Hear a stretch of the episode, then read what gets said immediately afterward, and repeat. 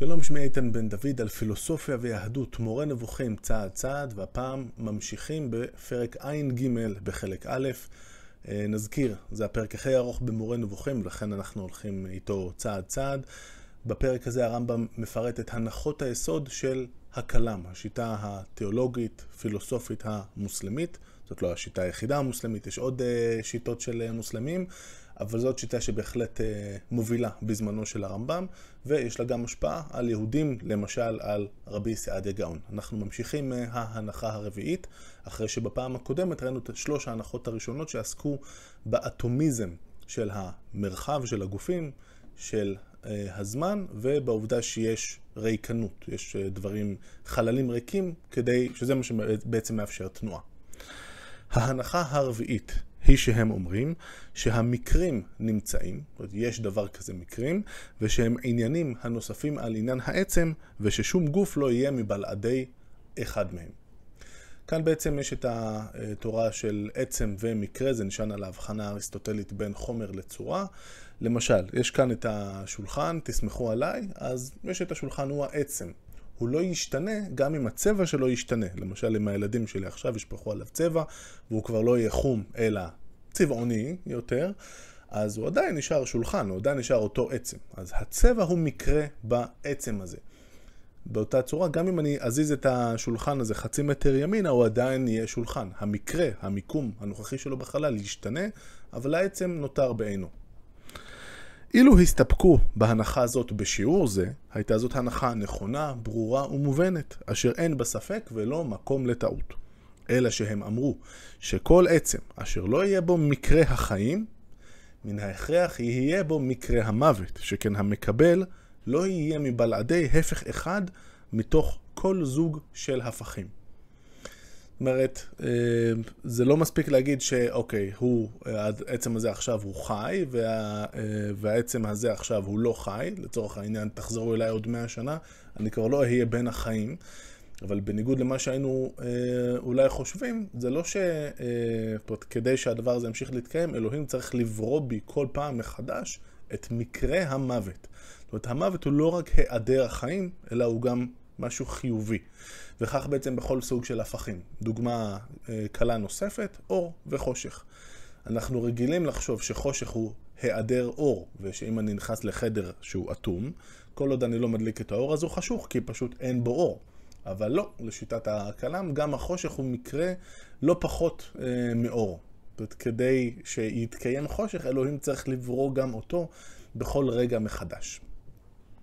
הם הוסיפו ואמרו, כמו כן יהיו לו צבע וטעם, תנועה או מנוחה, הצטרפות או פירוק. ואם יש בו מקרה החיים, יש בו בהכרח סוגים אחרים של מקרים, כגון ידיעה או בורות, רצון או הפכו, יכולת או חוסר אונים, השגה או אחד מהפכיה. כללו של דבר, כל מה שעשוי להימצא לחי, מוכרח הוא או אחד מהפכיו להימצא לו. זאת אומרת, הדבר לא רק מתמצא בחיים או מוות ואור וחושך וכולי, אלא בעצם גם בידיעות. לצורך העניין, אה, עכשיו אני יודע הרבה דברים על העולם שלנו, אבל אני לא יודע הכל. אני לא יודע על כל מיני בעלי החיים וכל מיני הצמחים, ואני לא מכיר, גם אם אני מכיר את מין החתול, אני לא מכיר את כל החתולים בעולם כמובן. על חוסר הידיעה שלי, של החתול מיצי, אה, שנמצא עכשיו בסידני שבאוסטרליה, ברחוב כך וכך, גם הוא מקרה אה, שקורה לי, זה לא רק היעדר ידיעה, אלא גם הבורות הזאת, חוסר הידיעה שלי, גם הוא משהו חיוב. זה מקרה שבעצם חל בי כרגע. ואם כך הדבר על החתולים אה, באוסטרליה, בואו נחשוב מה קורה עם כל אה, ריבעות הכוכבים והגלקסיות שאנחנו לא יודעים עליהם תכלס שום דבר. גם הבורות שלנו על כל אחד מהם ומה שמתרחש בו, ומה ההרכב האטמוספרי בכל אחד מהם וכן הלאה, גם זה מקרה שחל בנו בכל רגע ורגע. ההנחה החמישית היא שהם אומרים שבעצם הבודד, זאת אומרת האטום, חלים אותם מקרים והוא לא יהיה מבלעדיהם. באור הנחה זאת ומשמעותה שלכל עצם בודד מעצמים בודדים אלה, אשר האל בורא, יש מקרים שהוא לא יהיה מבלעדיהם, כגון צבע וריח, תנועה או מנוחה, למעט הכמות. כי אמרנו שלאטום בודד אין כמות, אין גודל, אין ממדים. כי לכל אחד מהעצמים אלה אין כמות. מכיוון שאין הם קוראים לכמות בשם מקרה, ואין הם מבינים שלכמות יש משמעות של מקרה. זאת ההבנה שלהם של... אה, של העובדה שגודל גם הוא מקרה, זאת אומרת, הם לא מסכימים פה עם הרמב"ם ועם אריסטו למשל. לפי ההנחה הזאת הם סוברים שלגבי כל המקרים הנמצאים בגוף מן הגופים, אין לומר שמקרה אחד מהם מתייחס לכללותו של אותו גוף. אלא אותו מקרה נמצא לשיטתם בכל עצם בודד מן העצמים שאותו גוף מחובר מהם. למשל, הלובן אינו נמצא בפיסת שלג זאת בכללותה בלבד, אלא כל עצם ועצם מעצמי השלג הזה לבן הוא, ומשום כך נמצא הלובן בכללם. במילים אחרות, אין תכונות ששייכות למכלול של אטומים, אלא כל תכונה שאנחנו רואים באותו מכלול, באותו עצם כולל, אה, חייבת לחול על כל אחד ואחד מהאטומים שמהם אותו עצם מורכב. כן אמרו שבגוף נע, כל עצם בודד מעצמיו נע, ולכן הגוף כולו נע. כן, החיים נמצאים לשיטתם בכל חלקיק וחלקית מעצמי הגוף החי. הוא הדבר לגבי החוש. כל עצם בודד במכלול החש, חש לשיטתם. כי החיים, החוש, השכל והידיעה הם לשיטתם מקרים כמו השחור או השחור והלובן, כפי מה שנסביר משיטותיהם. לפי הנפש הם חלוקים בדעותיהם. דעת רובם היא שהנפש היא מקרה הנמצא בעצם אחד בודד, באטום אחד בלבד, מכלל העצמים שמהם מורכב האדם למשל. היצור בכללותו קרוי בעל נפש בשל היותו, היות אותו עצם בודד בו. יש מהם האומרים שהנפש היא גוף מורכב מעצמים דקיקים. זאת אומרת, הגוף, הנפש גם היא אה, גוף מאטומים דקיקים, ולעצמים אלה יש בלי ספק מקרה כלשהו אשר בו או בגללו התייחדו והפכו לנפש.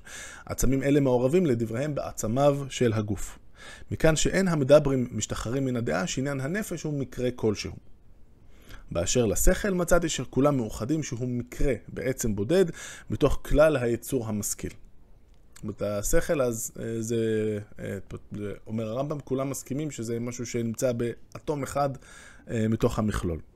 לגבי הידיעה הם נבוכים, אם היא מקרה הנמצא בכל עצם ועצם מן העצמים של היצור היודע בכללותו, או בעצם אחד בלבד, האם זה באטום אחד או בכמה, בכל האטומים. מכל אחת משתי הסברות מתחייבות מסקנות מגונות. כל אחד, איך שלא נבחר פה, אנחנו נגיע לאבסורדים. הקשו עליהם, שאנו מוצאים שרוב המתכות והאבנים הן בעלות צבע חזק, וכאשר שוחקים אותן, זאת אומרת, מגרדים אותן קצת ויש לנו אבקה, מסתכלים באבקה, והופ, נעלם הצבע ההוא. שהרי בשעה שאנו שוחקים איזמרגד, שצבעו ירוק כהה, הוא הופך לאבק לבן. מכאן ראיה שאת המקרה הזה של הצבע הירוק הכהה נושא את האבן בכללותה, ולא כל חלקיק שלה. עוד יותר ברור מזאת, שחלקים הנקטעים מן החי אינם חיים. נכון? אם אנחנו עכשיו אה, אה, נפצע מישהו אה, שהתנדב לצורך הניסוי הזה, אה, מה שאנחנו, החלק שאנחנו נוריד ממנו, החלק הקטן, אה, לא חי בפני עצמו. החיים שלו תלויים בהיותו חלק אורגני מן המכלול החי. ללמדך, זה שאנחנו uh, קוטעים חלק ואז אנחנו רואים שהחלק הזה uh, הוא לא חי, שאת עניין החיים נושא כלל הגוף החי ולא כל חלקיק, חלקיק וחלקיק ממנו. על זאת הם משיבים שמקרה אינו ממשיך להתקיים, אלא הוא נברא והולך תמיד על פי סברתם, שאותה אסביר בהנחה שאחר זאת. זאת אומרת, בכל מקרה, כל עניין המקרים, זה עניין שבכל פריים ופריים, אה, אם אנחנו אה, חוזרים להנחה השלישית של האטומיזם של הזמן, העולם מורכב מחלקים זעירים של זמן, שכל אחד מהם זה זמן שעומד בפני עצמו, כמו פריימים של סרט. אז זה שבפריים הבא, אחרי שהורדנו לאותו אומלל מסכן את הקצה של התנוך לטובת הניסוי, ואנחנו רואים שה... שהתנוך כבר לא חי, בסדר, אבל זה, זה סיפור אחר, זה בכלל לא קשור למה שהיה בפריים הקודם, כי כמו שנראה בהנחה השישית, בעצם הם מנסים לצאת נגד כל המושג של הסיבתיות שמוכר לנו. ההנחה השישית היא שהם אומרים שמקרה לא יתמיד שני זמנים. ההנחה הזאת, משמעות ההנחה הזאת היא שהם טענו שהאל יתנסה ויתהדר בורא עצם, ובורא בו איזה מקרה שהוא חפץ יחד עמו בבת אחת. אין לייחס לאל יתעלה את היכולת לברוא עצם בלי מקרה, כי זה נמנע.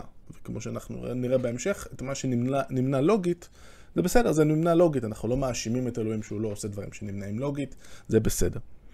אבל מהותו האמיתית ומשמעותו של מקרה, היא שאין הוא ממשיך להתקיים ואינו מתמיד שני זמנים, שני פריימים, וכוונתם לשתי עיתות.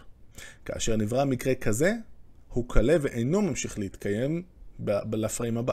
לכן בורא האל, בפריים הבא, מקרה אחר ממינו, ואף זה האחר קלה. אזי הוא יברא שלישי ממינו, וכך הלאה כל עוד רוצה האל שיימשך מינו של המקרה הזה. אך אם הוא יתעלה, רוצה לברוא מין אחר של מקרה בעצם זה, הוא בוראו. אם הוא מפסיק לברוא ואינו בורא מקרה אחר, קלה אותו עצם. זאת דעת חלק מהם והם הרוב, זאת לשיטתם בריאת המקרים. זאת המשמעות של ההנחה הזאת, שהיא, זאת אומרת, ההנחה הזאת, כמו שהסביר הרמב"ם בהמשך, היא אחת ההנחות היותר משמעותיות, היא שבעצם כל המושג של סיבתיות אינו תקף, אנחנו לא מכירים בו, כי כל המשמעות של סיבתיות זה אה, שדבר אחד משפיע על דבר שני שנמצא אה, אחריו אה, בזמן, אבל אם אנחנו בעצם בכל פריים, העולם נברא מחדש עם כל המכלול שלו, ובעצם אף אחד לא מחויב פה לזה שדברים ימשיכו עם איזושהי כפיפות למה שהיה בפריים הקודם, בעצם כל מושג הסיבתיות, או מה שקורא לו הרמב"ם הטבע, בעצם כבר לא תקף. אבל חלק מהם מן המועטזילה, נזכיר שיש אה, שני אה, זרמים עיקריים, המועטזילה והזרם שהגיע אחר כך, האשעריה, שניהם שייכים לכלם, אומרים שיש מקרים הממשיכים להתקיים זמן מה, בעוד אחרים אינם מתקיימים שני זמנים. אך אין להם בעניין זה כלל שהסתמכו עליו לאמור מין פלוני של מקרים מתמיד בקיומו ומין אלמוני אינו מתמיד. מה שהביא אותם אל סברה הזאת, וכאן אופייני מאוד אה, לרמב"ם שהוא לא מסתפק רק ב... אוקיי, לשרטט אלה העיקרים שלהם וזהו, אלא הוא גם מסביר מה ההיגיון של כל צעד בתוך, ה... בתוך המכלול, וזאת אה, אחת מהיכולות אה, של הרמב"ם שאני מאוד אוהב. לא רק להגיד, טוב, הנה זה מה שהם חושבים והם לא יודעים מה שהם מדברים וזהו, מה שנקרא לבנות אנשי קש בצד השני, אלא להכיר בזה שיש להם סיבות לצעדים שהם עושים. וגם אה, מדי פעם אנחנו נראה שהם אה, מבינים את המחיר שנגבה מהם בעקבות הדבר הזה, אה, כדי, וזה בעצם מאפשר לנו להבין באמת מה עומד מאחורי, ה, או מה עומד בבסיס אותה שיטה שהרמב"ם יתקוף בהמשך. מה שהביא אותם אל סברה הזאת הוא שאין לומר שיש טבע כלל, ושטבעו של גוף נתון מחייב שידבק בו מקרה מסוים. אלא רוצים הם לומר שהאל יתעלה ברא מקרים אלה עכשיו בלי אמצעות טבע ובלי דבר אחר. זאת אומרת, אין סיבתיות, אין חוקי טבע בכלל, לא צריך את זה. מסברה הזאת מתחייב לדעתם בהכרח שמקרה זה לא ימשיך להתקיים. שהרי אם תאמר שימשיך להתקיים זמן מה ואחרי כן יכלה, תתחייב השאלה מה גרם לו להיעדר. אם תאמר שהאל גורם לו להיעדר, כאשר הוא חפץ בכך, אין תשובה זאת אפשרית לשיטתם, שכן הפועל אינו פועל את ההיעדר. כי ההיעדר אינו זקוק לפועל, אלא כאשר מפסיק הפועל לפעול, נעדרת אותה פעולה, וזה נכון מבחינת מה. זאת אומרת, אה, נניח, אה, מבחינת הרמב"ם מציין כאן, שהסיבה אה, שהם לא רוצים להכיר בעניין הזה, זה שאם אנחנו כן נניח שדברים מסוימים צריכים להימשך זמן מה עד שעוצרים אותם, אוקיי, אז למה עצרת אותם? והם רוצים להימנע מלהגיד שהאל אה, פועל, זאת אומרת, מפסיק משהו מסוים באופן אקטיבי, גורם, אה, גורם להיעדר. אה, וזאת נקודה קצת עדינה, שיש לה גם קשר ל, אה, לדיון שיערך בהמשך מאורי נבוכים בעניין הרע בעולם. אם אנחנו, אנחנו עומדים כאנשים אה, מאמינים, אנחנו, או הם, עומדים מול ההבנה הברורה שיש רוע בעולם, אה, למרות שאלוהים הוא טוב, ושהוא מבין את מה שקורה במציאות והוא יכול להשפיע עליה, אבל עדיין הרע קיים. ואחת הדרכים לצאת מהמבוך הזה היא להגיד בעצם, אה, זה לא בדיוק שהאל גורם לדברים רעים לקרות, דברים רעים הם היעדר של דברים טובים. והיעדר זה לא משהו שאלוהים עושה במיוחד, אלא זה ככה. ויש כמה דרכים להסביר את זה, אבל זאת נקודת המפתח. להגיד שאלוהים לא פועל היעדר. אלוהים לא בכוונה גורם למשהו לא להיות, נקרא לזה ככה, אולי בעקיפין, ואז זה בסדר. בשל כך, ומכיוון שהתכוונו שאין טבע המחייב מציאותו של דבר או היעדרו של דבר, באו לטעון שהמקרים נבראים בזה אחר זה. לשיטת חלקם, כאשר רוצה האל שיעדר העצם, אין הוא בורא בו מקרה, ואז העצם נעדר. לדעת אחרים, ברצות האל לכלות את העולם, הוא יברא את מקרה החידלון לא בנושא. וחידלון זה ינגוד את מציאות העולם. לא נעמיק בזה יותר מדי. על פי ההנחה הזאת, וכאן זה נעשה מעניין, הם אומרים שהבגד, אשר לטענתנו צבענוהו אדום, לא אנו צובעיו כלב, צובעיו כלל, אלא האל יצר צבע זה בבגד בשעה שהבגד בא במגע עם נוזל הצביעה האדום, אשר אנו טוענים שהוא הצבע האדום עבר אל הבגד. לדבריהם אין הדבר כך, זה לא שאנחנו צבענו את הבגד, אלא האל הנהיג מנהג, שהצבע השחור למשל לא ייווצר, אלא בשעה שהבגד בא במגע עם הניל, צבע שחור. שחור זה אשר האל בראו. בשעה שהבגד העומד להיות שחור בא במגע עם השחור, לא ימשיך להתקיים, אלא יכלה מיד, זה רק לפריים אחד, והוא בורא שחור אחר. ועוד הנהיג האל מנהג שאחרי כלות אותו שחור לא יברא אודם או צוהב אלא שחור כמוהו. זאת אומרת בינתיים הוא רק מנהיג את זה כמנהג אבל זה לא דבר שהוא, אה, אין פה חוק טבע שדואג לזה שהדבר הזה יקרה. במקום אחר אה, הוא הסביר למה, אוקיי, אז למה אלוהים בכלל, אה, לשיטתם, אה, נוהג את המנהג הזה? או, כשיבוא מוחמד או, אה, או נביא אחר וירצה להראות לנו שהוא מסוגל לעשות נס ולחולל דברים שהם פלאיים, אז אה, הדבר הזה יהיה אפשרי, ואנחנו שרגילים כבר למנהגים האלה אה, וחושבים שיש פה חוק טבע, לא נבין אה, שזה בעצם הכל פה טוב ואין פה איזה שינוי באמת מסדרי בראשית. פשוט המנהג הזה מאפשר למוחמד לשכנע אותנו בצורה יותר טובה. לא טיעון מאוד חזק כמובן. מהדרכה הזאת הם חויבו להסיק, למשל, שדברים אלה אשר אנו יודעים עכשיו אינם ידיעותינו אשר ידענו אתמול. אלא כלו אותן ידיעות ונבראו, יד... ונבראו ידיעות אחרות כמותן. כך הוא לדבריהם, מכיוון שהידיעה היא מקרה. כן, מי שמחזיק אה, בדעה שהנפש היא מקרה, מחויב להסיק שלכל בעל נפש תיברנה למשל מאה אלף נפשות בכל דקה. שהרי כפי שלמדת, הזמן מורכב לשיטתם מעיתות אשר אינן ניתנות לחלוקה.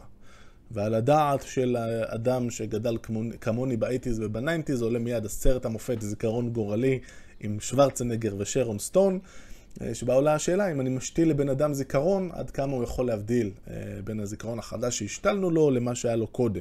לפי הכלאם, אה, שאולי הם עמדו בבסיס של התסריט של אותו סרט מופת, כן, אין בעיה. בכל מקרה, בכל רגע האל בורא אותנו מחדש עם כל הידיעות שלנו, הנה לא, נשאר, לא נשארות לנו מהפריים הקודם.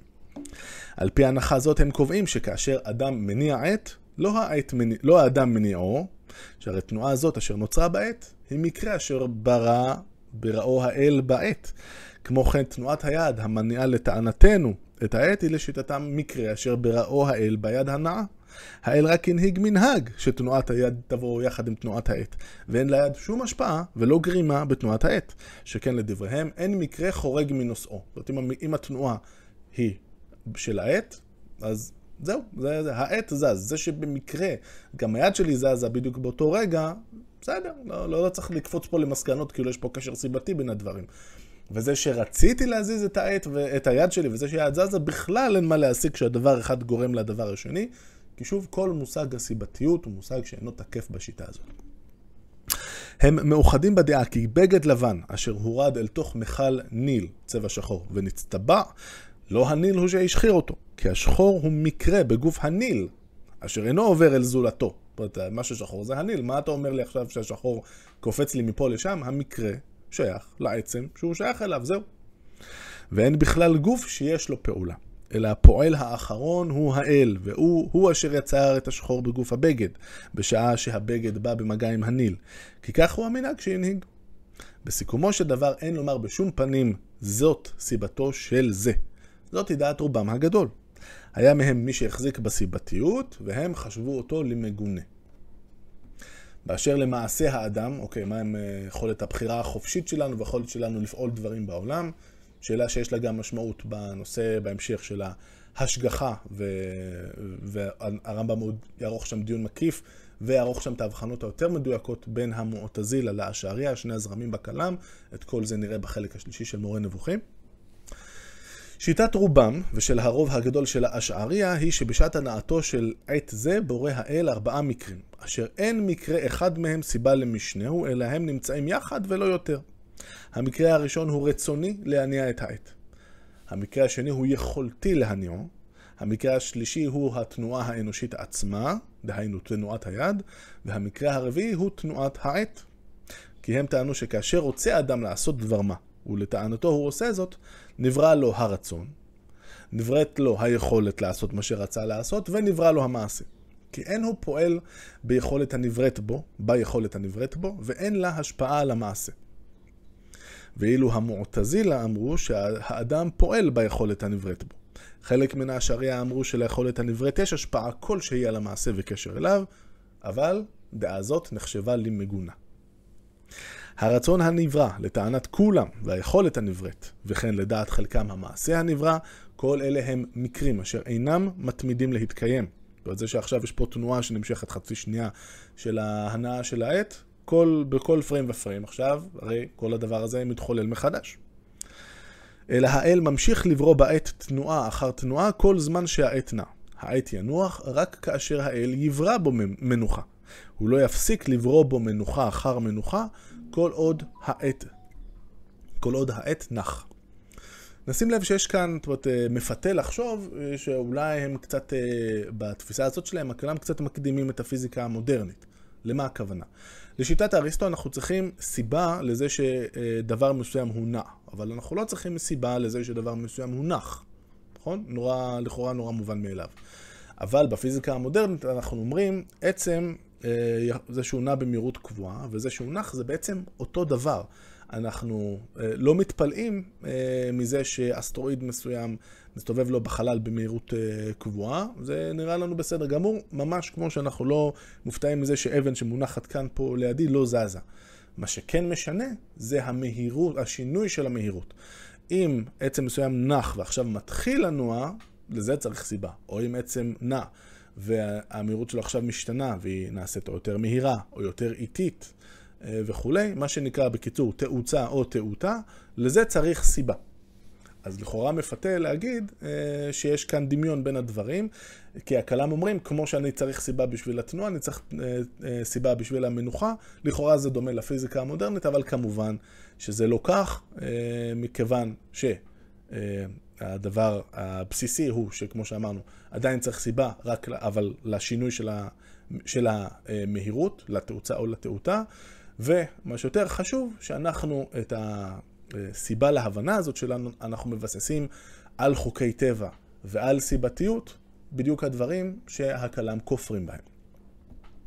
בכל עת מאותם עיתות, כוונתי לזמנים הבודדים, הפריימים, בורא האל מקרה בכל פרט מפרטי הנמצאים, מלאכים, גלגלים וזולתם, תמיד ובכל עת. לדבריהם, זאת היא האמונה האמיתית שהאל פועל. ומי שאינו מאמין שהאל פועל כך, מכחיש לדעתם את היות האל פועל. זאת אומרת, כל ה... הכל בסופו של דבר מתנקז לשאלה במה אלוהים, אה, במה מתבטא החוזק של אלוהים. הרמב"ם מחזיק בדעה שהעוצמה של אלוהים יכולה בהחלט להתבטא בזה שהוא לא צריך לברוא את כל הדברים מחדש, אלא הוא מנהיג את חוקי הטבע. כמה חוקי טבע, את הסיבתיות שגורמים לזה שהעולם כמנהגו נוהג, החוכמה שלו, שבאה לידי ביטוי בכינון חוקי הטבע האלה, היא העוצמה הגדולה. לעומת זאת הכלם, התפיסה הבסיסית היא שאלוהים הוא נורא חזק כי הוא גורם לכל דבר לקרות כל הזמן וכל רגע מחדש. ואם אתם לא מאמינים בזה, אתם בעצם אומרים שאלוהים הוא יותר חלש ממה שאנחנו אומרים. אלוהים שלנו יותר חזק מאלוהים שלכם. והרמב"ם מסכם, על אמונות כאלה ייאמר, לדעתי ולדעת כל בעל שכל, ועכשיו ציטוט מאיוב י"ג, אם כהתל באנוש, תהתלו בו. שכן, זהו באמת ההיתול עצמו. אז ראינו uh, כאן היום עוד uh, שלוש, uh, שלוש uh, הנחות שהתמקדו בעניין של גוף ומקרים, ובעיקר, בעיקר, בשלילה של כל דבר שאפשר לחשוב עליו כעל חוק טבע. אלוהים בורא כל דבר, כל הזמן, הוא בורא גם את מה שאנחנו רגילים לחשוב עליו שהוא היעדר, הוא בורא חושך, הוא בורא חוסר ידיעה. כל העולם אה, כל פעם מתקיים מפריים לפריים, כשבכל פריים מחדש אלוהים מתחיל את הכל, אה, כביכול את כל הבריאה מההתחלה. ואם אתם לא מאמינים, אלוהים שלכם יותר חלש מהאלוהים של הכלם, לכאורה. כמובן שהרמב"ם אה, עוד ימתח על זה ביקורת קשה וקטלנית. עד כאן להפעם, להתראות.